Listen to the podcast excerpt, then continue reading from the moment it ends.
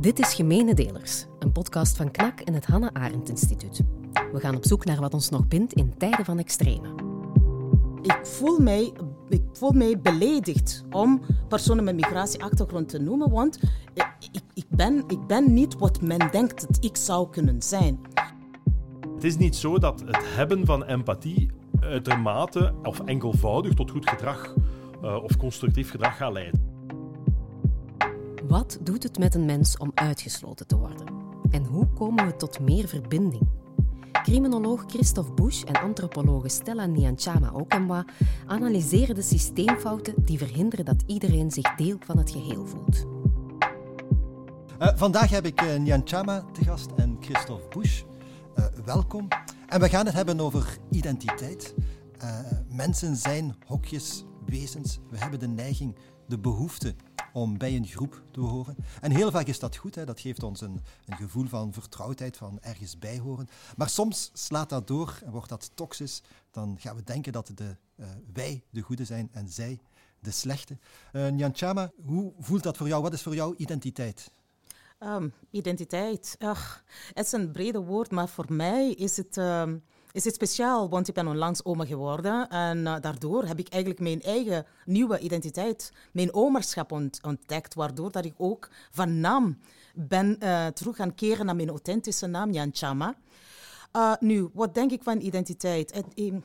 Ja, wat jij daar, daarvoor aanhaalde van de natuurlijke dwang om, om naar eigen volk te keren en te beschermen en, en bij te horen, is, is, is puur natuurlijk. Op het moment dat die natuurlijke gevoel of die dwang um, een, de ander gaat pesten of de ander gaat benadelen, de ander gaat, uh, gaat uitbuiten, dan wordt het wel een probleem. Dan is het niet meer fijn. Op het moment dat men zich opsluit en, en gewoon zorgen dat, uh, dat, dat, er gewoon, mm, dat ze gepolariseerd zijn of niet in contact zouden kunnen komen bij de ander, dat er geen dialoog mogelijk is, dat er geen interactie mogelijk is, dat is wel dan een probleem.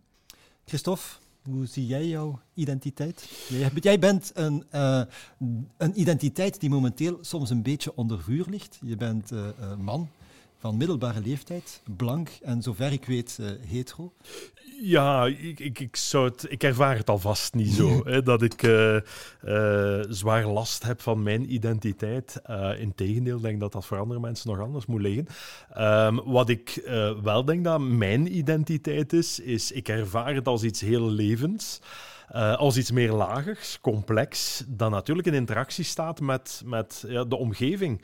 Uh, en in die omgeving lopen natuurlijk de anderen. Uh, en wat voor mij identiteit allemaal over gaat, is natuurlijk, um, je hebt die anderen nodig om te beseffen wat je zelf bent. Met name als ik jou zie, dan zie ik een vrouw. En dat doet mij beseffen ook wat het is om man te zijn. Dus je hebt die anderen nodig om je identiteit vorm te geven. En je hebt natuurlijk allerlei lagen in je individuele identiteit. Ik ben een Gentenaar, ik kom veel in Antwerpen, Brussel, Mechelen. Uh, ik voel mij geen uh, Saudi-Arabiër. Dat is geen onderdeel van mijn identiteit. Uh, maar dan heb je nog een heel belangrijk iets dat daar bovenop komt, wat ik dan zou noemen als uw sociale identiteit. Tot welke groepen behoor je? En dan kom je natuurlijk weer in een nog grotere complexiteit terecht, met name van groepen waar je soms evident tot behoort, groepen waar je niet evident, groepen waarvoor je kan kiezen, groepen waartoe je niet kan kiezen. Uh, en dan kom je natuurlijk in mechanismen van ja, wat we zouden kunnen noemen belonging en othering. Uh, dat zijn groepen die anders zijn op dat vlak. En dat kan weinig bedreigend zijn. Denk bijvoorbeeld, ik ben geen vegetariër en ik heb goede vrienden die vegetariër zijn. En daar kunnen we over praten. Alhoewel sommige mensen ook daarvan een punt maken. Absoluut. En dat is dan natuurlijk een probleem als je zegt, want eh, het kan natuurlijk als basis zijn dat je een, een opdeling tussen vegetariërs en vleeseters maakt en zegt van alle vegetariërs, dat zijn toch onmensen, hè? of omgekeerd en zo verder. En dan zie je natuurlijk dat die, die othering en belonging mechanismen, die groepsafbakening en de labels die daaraan gekleefd worden, uh, dat dat natuurlijk wel tot uh, ja, uitdagingen voor het sociale weefsel in uw samenleving kan zorgen. Ja. En identiteitsdenken uh, heeft momenteel een, een, eerder slechte naam. Het wordt gezien als, als eng, als, een, uh, ja, als dom ook vaak. En we zien ze momenteel aan beide kanten van het spectrum, denk ik, dat identiteitsdenken. in die mate zelfs dat sommige mensen beide kanten met elkaar gelijkstellen. Extreem rechts en de woke-beweging, dat is ongeveer hetzelfde. Daar zitten dezelfde mechanismen achter. Vind je dat de, ook de woke-beweging te ver doorgeschoten is in zijn identiteitsdenken? Dat zij de ander demoniseren? Dat het een toxische vorm van identiteitsdenken geworden is?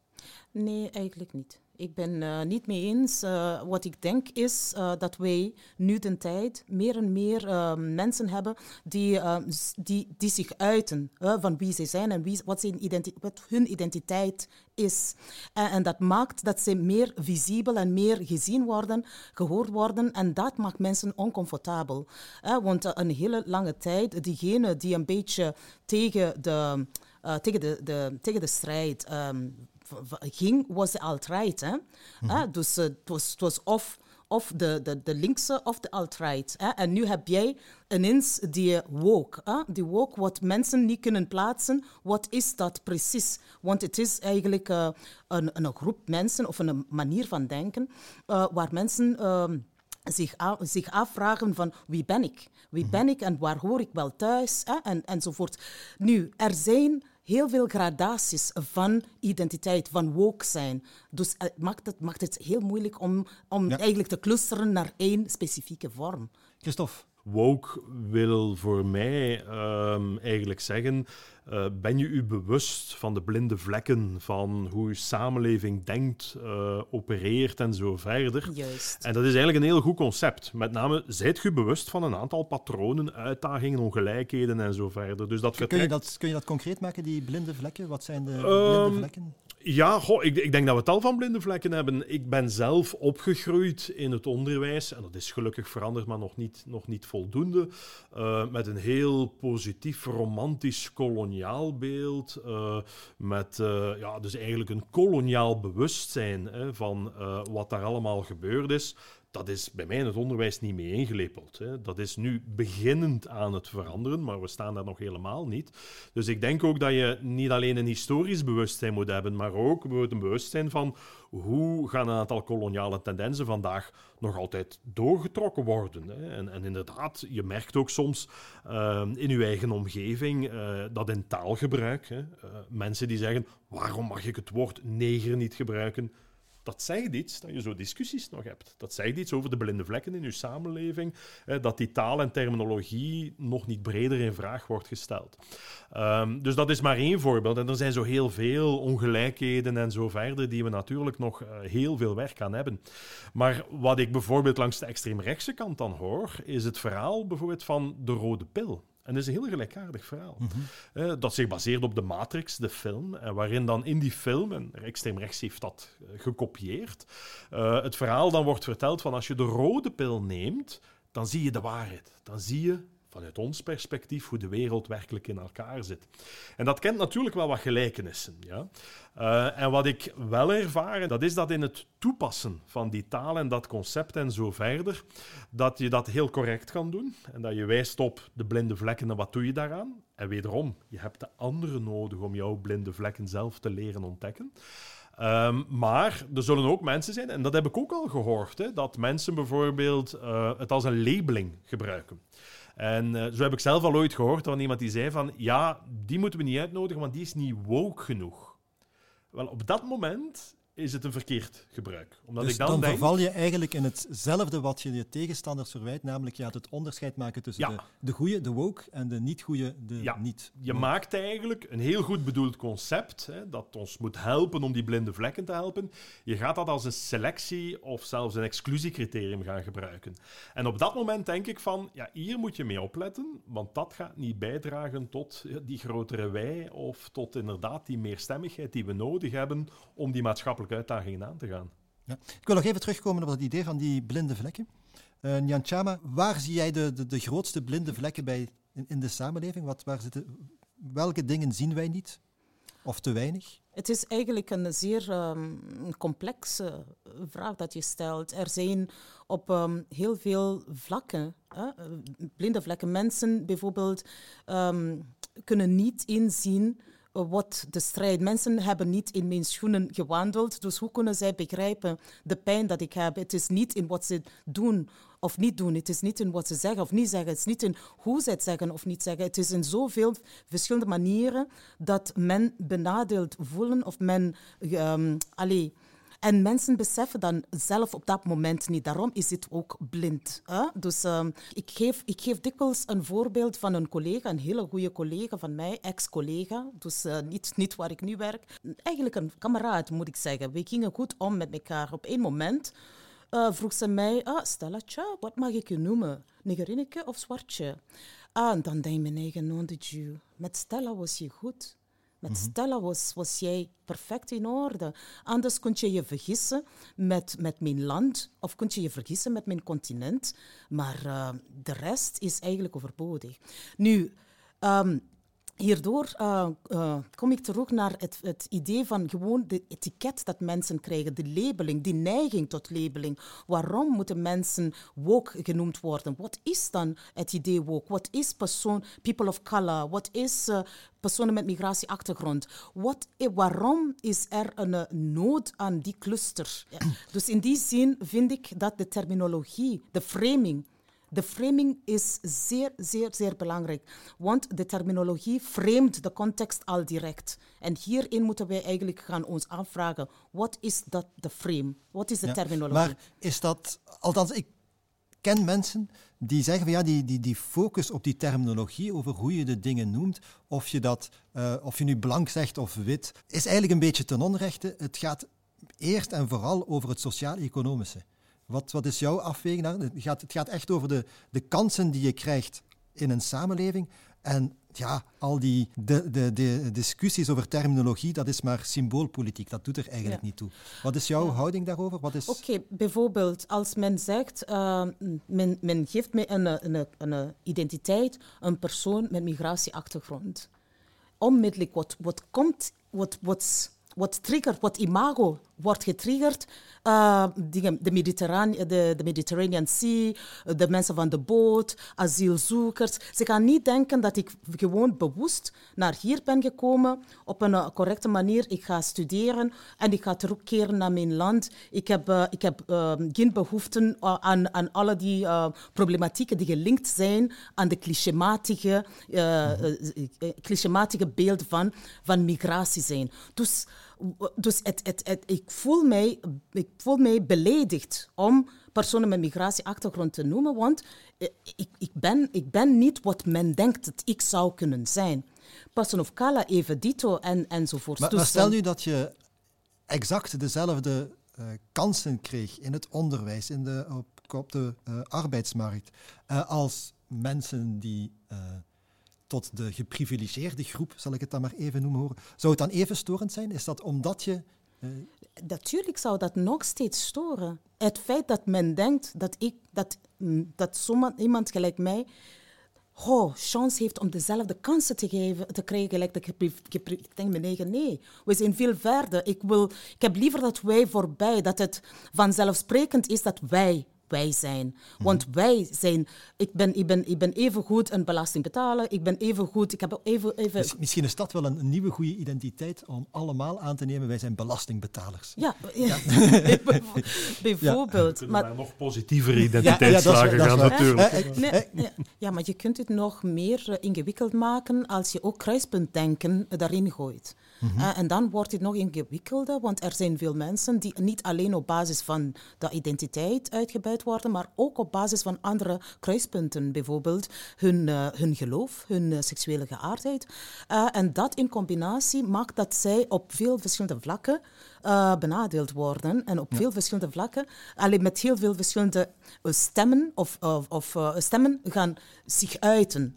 hun belonging, hun, hun personhood en belonging uh, wordt eigenlijk op proef gesteld. Ja, maar, maar kun je dan niet begrijpen dat er mensen zijn die uh, niet geprivilegeerd zijn, maar wel, uh, ik zeg maar iets, die wel blank zijn, man zijn, maar uh, uit een heel arm gezin komen, laag opgeleid, dat die zoiets hebben van, wacht even, jij, volgens jouw criteria ben ik geprivilegeerd, maar ik heb niks, ik, ik voel mij niet geprivilegeerd.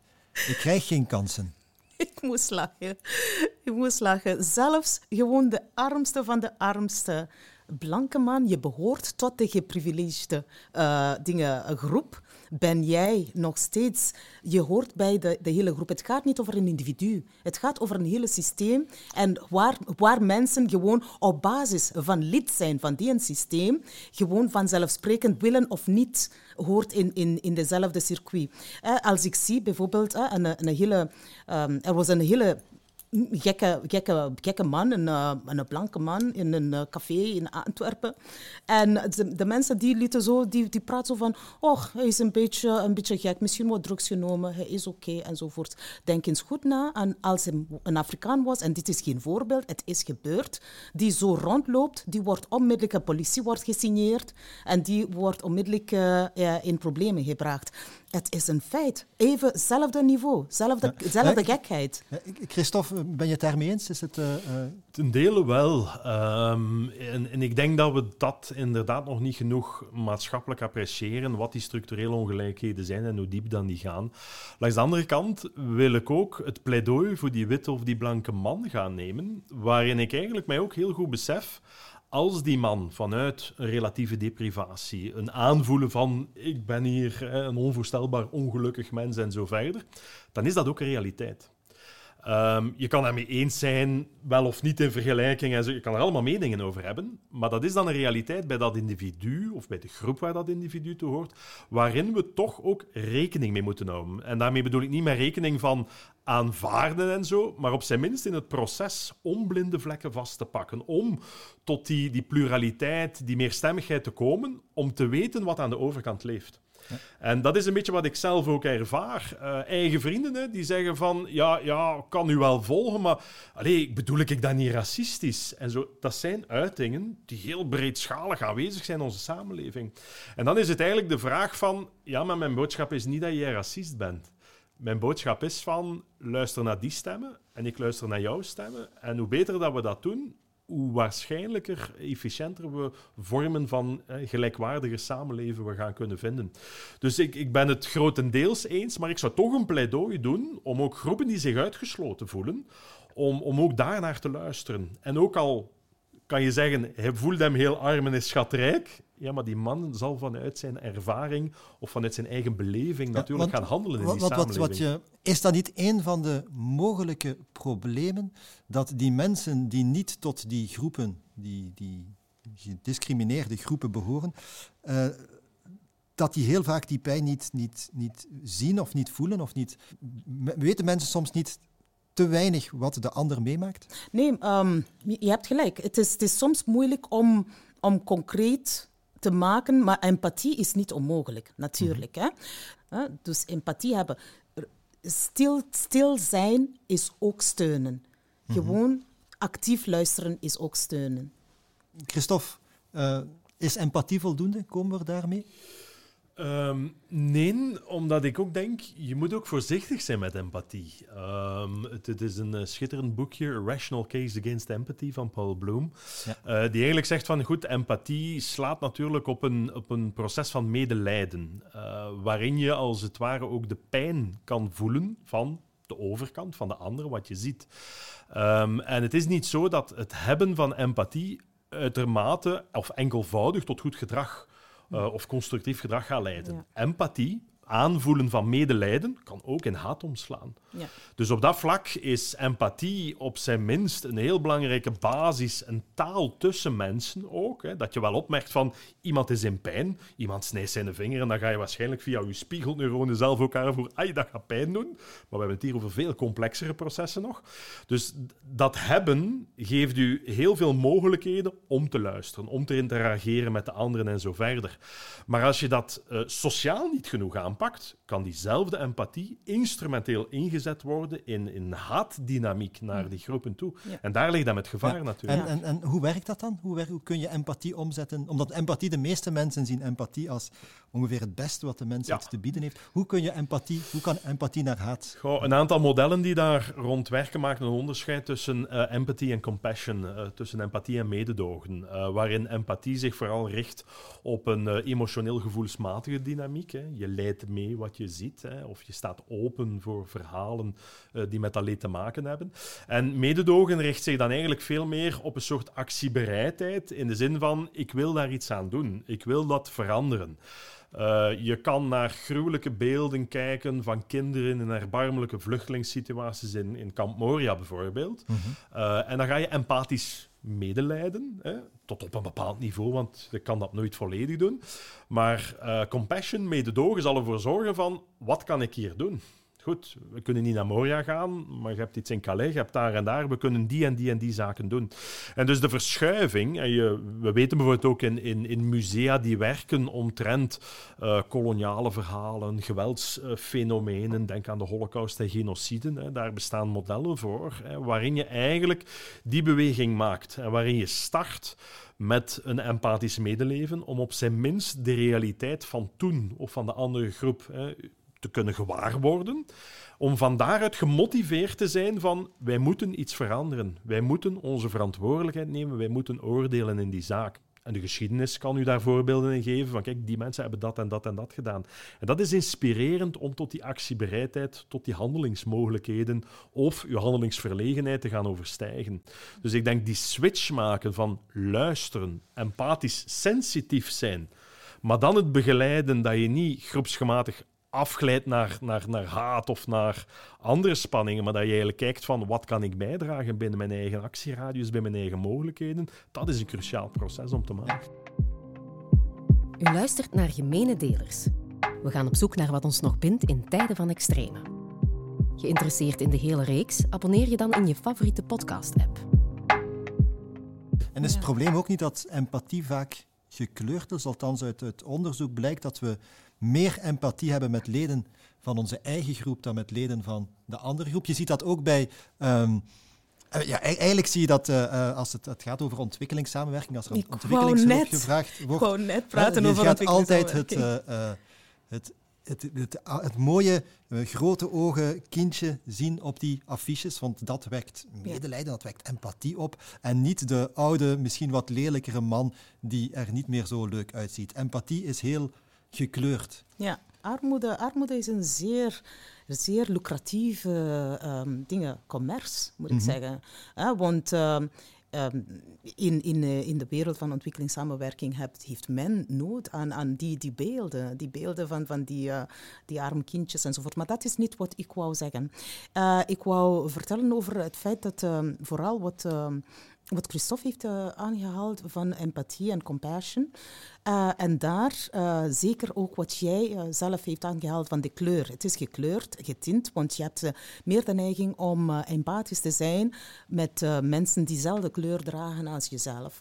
Maar ehm, meer dan dat is ook um, dingen ont, ont, onderdoken die het gevoel van superioriteit en, en inferioriteit. Want dus men, men, men men denkt van, oh Germ, die heeft dat allemaal meegemaakt. Ik moet wel iets aan doen, ik moet wel helpen, ik moet wel uh, structuur brengen. Maar um, uh, constant is de ander een, een slachtoffer, in een slachtofferrol. Mm. En er is dan de redder, de, de, de mm -hmm. witte redder komt weer eens uh, de, de, dingen, de situatie redden.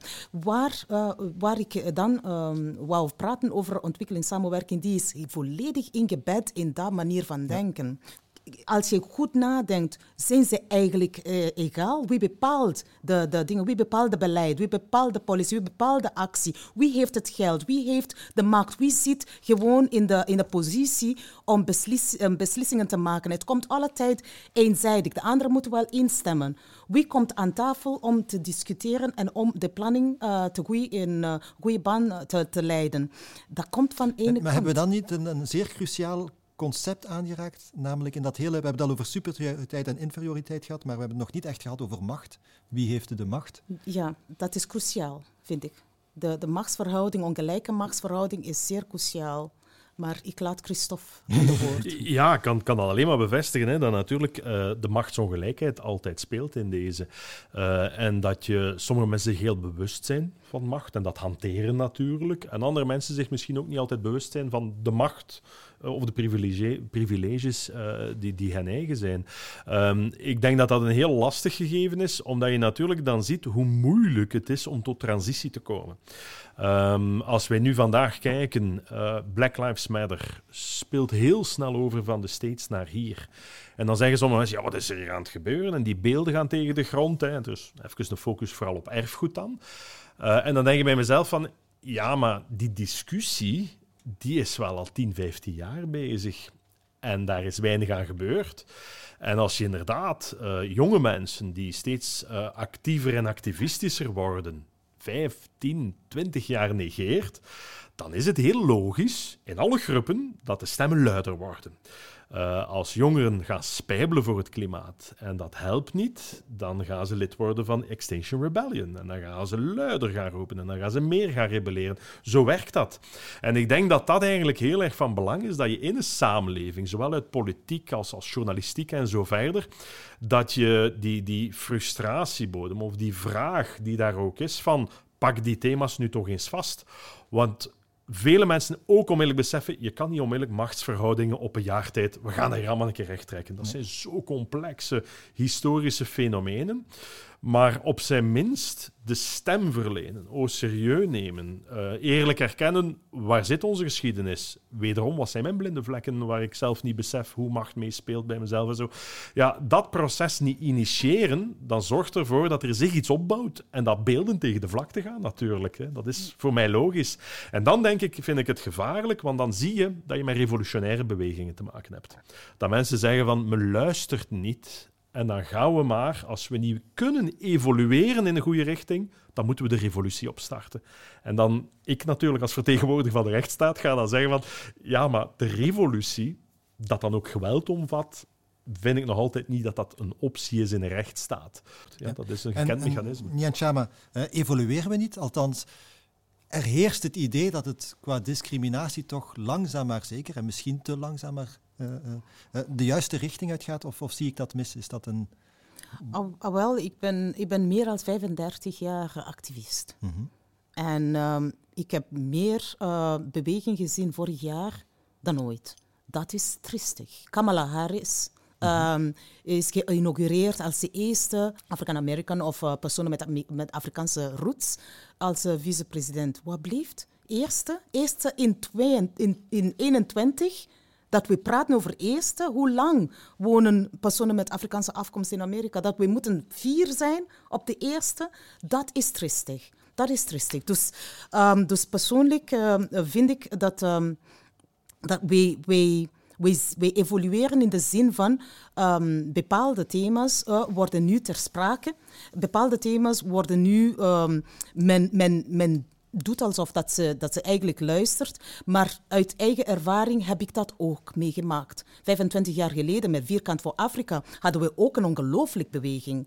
Hadden we ook een, een evolutie bijna, waar ik dacht, aha, wij zijn nu aan het veranderen naar naar de, naar de goede richting. Maar dat is gewoon in het water gevallen. Dus uit eigen ervaring, ik heb een, een, een wait and see. Ik wil natuurlijk dat wij in die golf, die tsunami, die beweging van verandering ingaan. Maar voor mij uh, wil ik wel zien, mm, ik wil geen klopje op de schouder, maar ik wil een structureel verandering. Is er een wetgeving dat gaat komen? Is er een beleid dat gaat veranderen? Is er een vertegenwoordiging? Dat, ik wil gewoon iets wat blijvend is als we terugkijken, tien jaar van nu, dat het nog steeds heerst. Die, verander, die structureel verandering naar uh, racisme. Maar klopken op de schouder hebben we heel veel jaren gehad. Maar in, zitten er nog echte discriminatoire regels in onze wetgeving? Zijn er nog plekken waar er echt puur op... En dat zal dan een, uh, iemand die, zegt, die de status quo verdedigt, zal zeggen van kijk, in de wetgeving zit geen discriminatie meer. Zwarten mogen hetzelfde, of mensen van kleur mogen hetzelfde als, als blanken.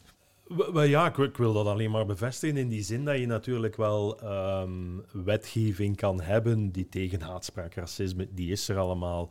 Uh, er zijn zelfs een aantal dingen die, die in mijn ogen soms te ver gaan ook. En dat ik denk van, daar moet de wetgever zich nu niet over uitspreken. Maar goed, um, wat ik wel denk is van, hoe pas je die toe? Hè? Want je moet altijd gaan realiseren, en dat is een beetje hetzelfde verhaal ook in de Verenigde Staten, van ja, maar we hebben sterke instellingen en zo. Nee, wat doen de mensen met die instellingen? Wat doen de mensen met de wetgeving? Hoe wordt eh, de wetgeving in uitvoering gebracht en zo verder? Dus ik denk dat dat heel cruciaal is. Nu, waar ik een opportuniteit in zie, en dat is natuurlijk wel uh, ja, wat we globaal zien, transities gaan heel traag. Ehm, structuren zijn uh, halstarrig, zijn, zijn moeilijk te veranderen. Uh, maar er zijn meer en meer modellen aan het komen, waarin je bijvoorbeeld ziet van, kijk, het landschap, de context verandert. Black Lives Matter en wat er in de Verenigde Staten gebeurt met, helaas, George Floyd, die we allemaal kennen, maar ik weet niet de hoeveelste persoon hij was. En goed, op een bepaald moment schiet dan ook COVID-gewijs en andere contexten die meespelen, schiet de vlam in de pan. En, en er, er is zo'n danige verandering dat niches die al lange tijd veranderingen trachten te verwezenlijken, maar inbeuken tegen ja, het regime hè, dat de macht in stand wil houden. Op een moment kunnen die niches doorschieten. En dat is wat je bijvoorbeeld nu ziet gebeuren. Hè. In, in Europa, op vlak van hè, decolonisatie. We focussen enorm op erfgoed, mag nog naar veel breder gaan en zo verder. En wat ik vooral daar als opportuniteit in zie, is van we mogen ons niet te zeer verliezen in uh, wederom wij-zij-discussies. En ben ik nu wel een racist of niet racist als ik blank of wit gebruik en zo verder. Uh, je kan daar gevoelig voor zijn, je kan daar uh, rekening mee houden, maar dat is niet de essentie. Wat ik denk dat wel de essentie is, is van hoe ga je investeren op deel hebben. Deel hebben van alle mensen die hier op dit lapje grond in Europa wonen. Uh, hoe ga je daar creatief mee om? En, en daar vind ik net de uitdaging. Hoe kunnen we dat creatief doen? Want ik kan honderd argumenten vinden waarom we verschillend zijn. Maar wat zijn strategieën die ons verbinden? Hè? Laat ons daarop inzetten. En een ander voorbeeld dat ik, dat, en dat besef ik voor mezelf ook, hoe halstarrig het is, leren loslaten.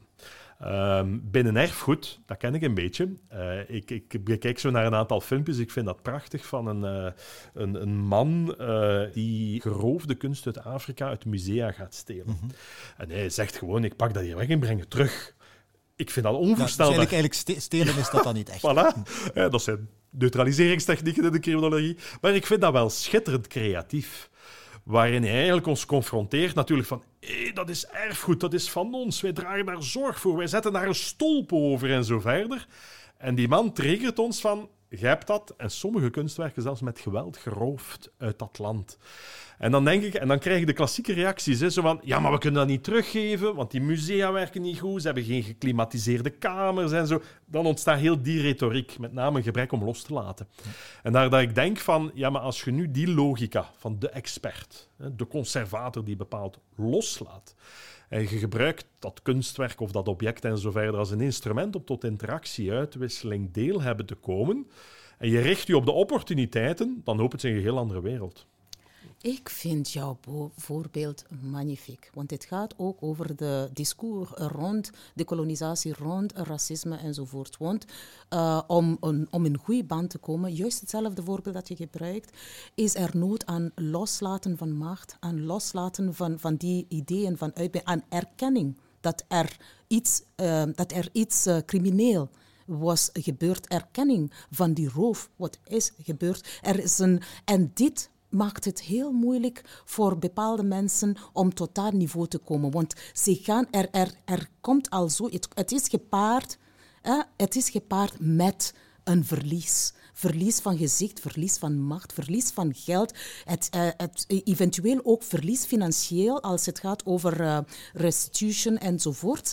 En dat maakt mensen, het paralyseert mensen. Maar mensen weten, er zijn voldoende, zoals uw voorbeeld, voldoende experten, voldoende voorbeelden, voldoende dat mensen weten, het is geen leugen. We hebben al jaren uh, deelgenomen, niet per se direct, maar uh, in onze geschiedenis zijn we medeplichtig op, uh, op de, de, status dat we nu zijn. Maar er, er is nood aan niet alleen uh, aan, aan het erkennen van het gaat kosten. Maar niet alleen kosten financieel, maar kosten emotioneel, kosten van positie, kosten van max.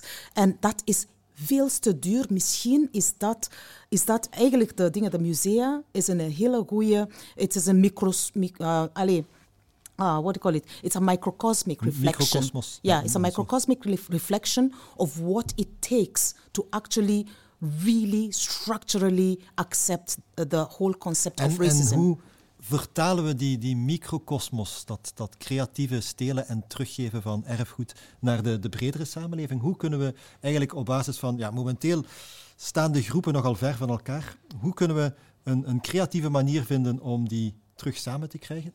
Kunnen we een soort één gemeenschappelijk verhaal vertellen en hoe ja, begin je ze, daar ze dan aan? zijn er. Hè. Eh, eh, wat ik denk dat voor ons wel van belang is, is dat we een stuk maatschappelijk ook de focus verleggen. Laat ons nu eens investeren op die verhalen die, die, die verbindend van aard zijn, die projecten die werken. En ik denk heel vaak dat je dan instrumenten moet gebruiken die niet altijd rechtstreeks over het thema gaan. Um, wij zijn zelf nu begonnen hier in het Hannah Arendt Instituut met een onderzoek te doen hoe je met het sociaal weefsel kan werken door middel van sport, door voetbal. Mhm. En wat doe je? Je bent niet de hele tijd aan het praten over sociale relaties, je bent voetbal aan het spelen. Maar dat voetbal is maar een instrument om sociaal werk, sociale relaties te gaan vastpakken. Dus het is heel creatief zijn. Ik heb bijvoorbeeld met psychiatrische patiënten, waar ik vroeger mee gewerkt heb, um, waar uh, we eigenlijk via hondentherapie, canine assisted therapy, de hond als tusseninstrument, dier gebruikte om eigenlijk therapeutisch te kunnen dialogeren met elkaar. Uh, Stella, misschien Ja. als, als allerlaatste uh, vraag, eigenlijk dezelfde vraag. Van, ja, hoe, krijgen we, hoe krijgen we alles terug samen? Wat zijn jouw tips? Dus één ding, uh, één, één voor mij wat zeer, zeer belangrijk is, en ik, ik, uh, ik weet dat voor Christophe misschien niet zo belangrijk, uh, nog niet zo sterk inspeelt in zijn verhaal, is een, verbindende, um, een verbindende gebeurtenis. En, en vooral hier in België, wat ons verbindt qua ervaring, qua, qua trauma, is kolonisatie.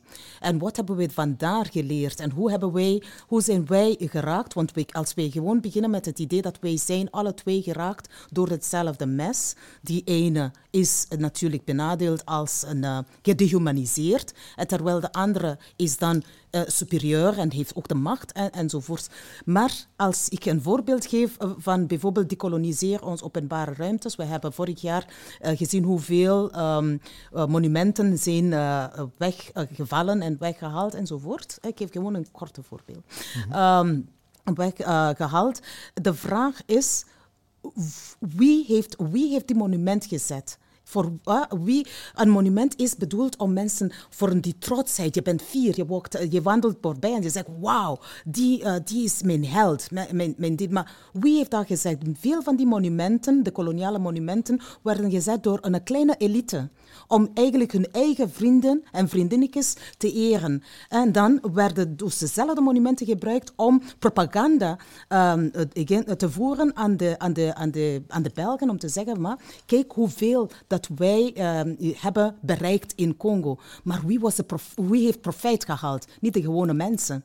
En heel veel achteraf, en je ziet het weer eens aangehaald in het boek van uh, Nadia Nsai, heel veel zijn achteraf gewoon geïnspireerd ge, ge, door het idee van we kunnen zoveel voor Congo doen, naar Congo gegaan om daar te helpen, eigenlijk de hele humanitaire en ontwikkeling enzovoort. Maar in feite waren ze ook benadeeld, hebben ze geen profijt gehaald. Het is maar een klein percentage die dat behaald hebben. Nu vandaag de dag hebben we een opportuniteit om in co-creatie te bepalen welke monumenten zijn relevant voor ons. Hoe kunnen wij in co-creatie iets op straat zetten? Hoe kunnen wij in co-creatie iets zetten waarvoor wij fier zijn en waarvoor wij achter staan? En dezelfde uh, voorbeeld van monumenten kunnen we ook gebruiken voor scholen, kunnen we ook gebruiken voor sport, voor media, voor, voor, uh, voor dingen, posities in de, in de overheid. Van hoe kunnen wij een wij verhaal hierin brengen. Want het gaat eigenlijk over ons, want wij zijn alle, allebei geraakt door dat we moeten stoppen met het idee van wij en zij, want het gaat over ons en het gaat over onze trotsheid als, en, onze, onze, onze pijn. Want eens dat we dat doen, kunnen we beginnen te helen. Kunnen we beginnen te verwerken van wat trauma is. Uh, bedankt voor jullie bijdrage. U luisterde naar Gemene Delers, een podcast van het Hannah Arendt Instituut en KNAK. Volgende week hebben we het over onze communicatie via het internet met professor media en journalistiek Ike Piccone. Leven we allemaal in onze eigen nieuwsbubbel? En welke rol speelt de journalistiek? De volledige reeks vindt u op onze websites of in je favoriete podcast-app.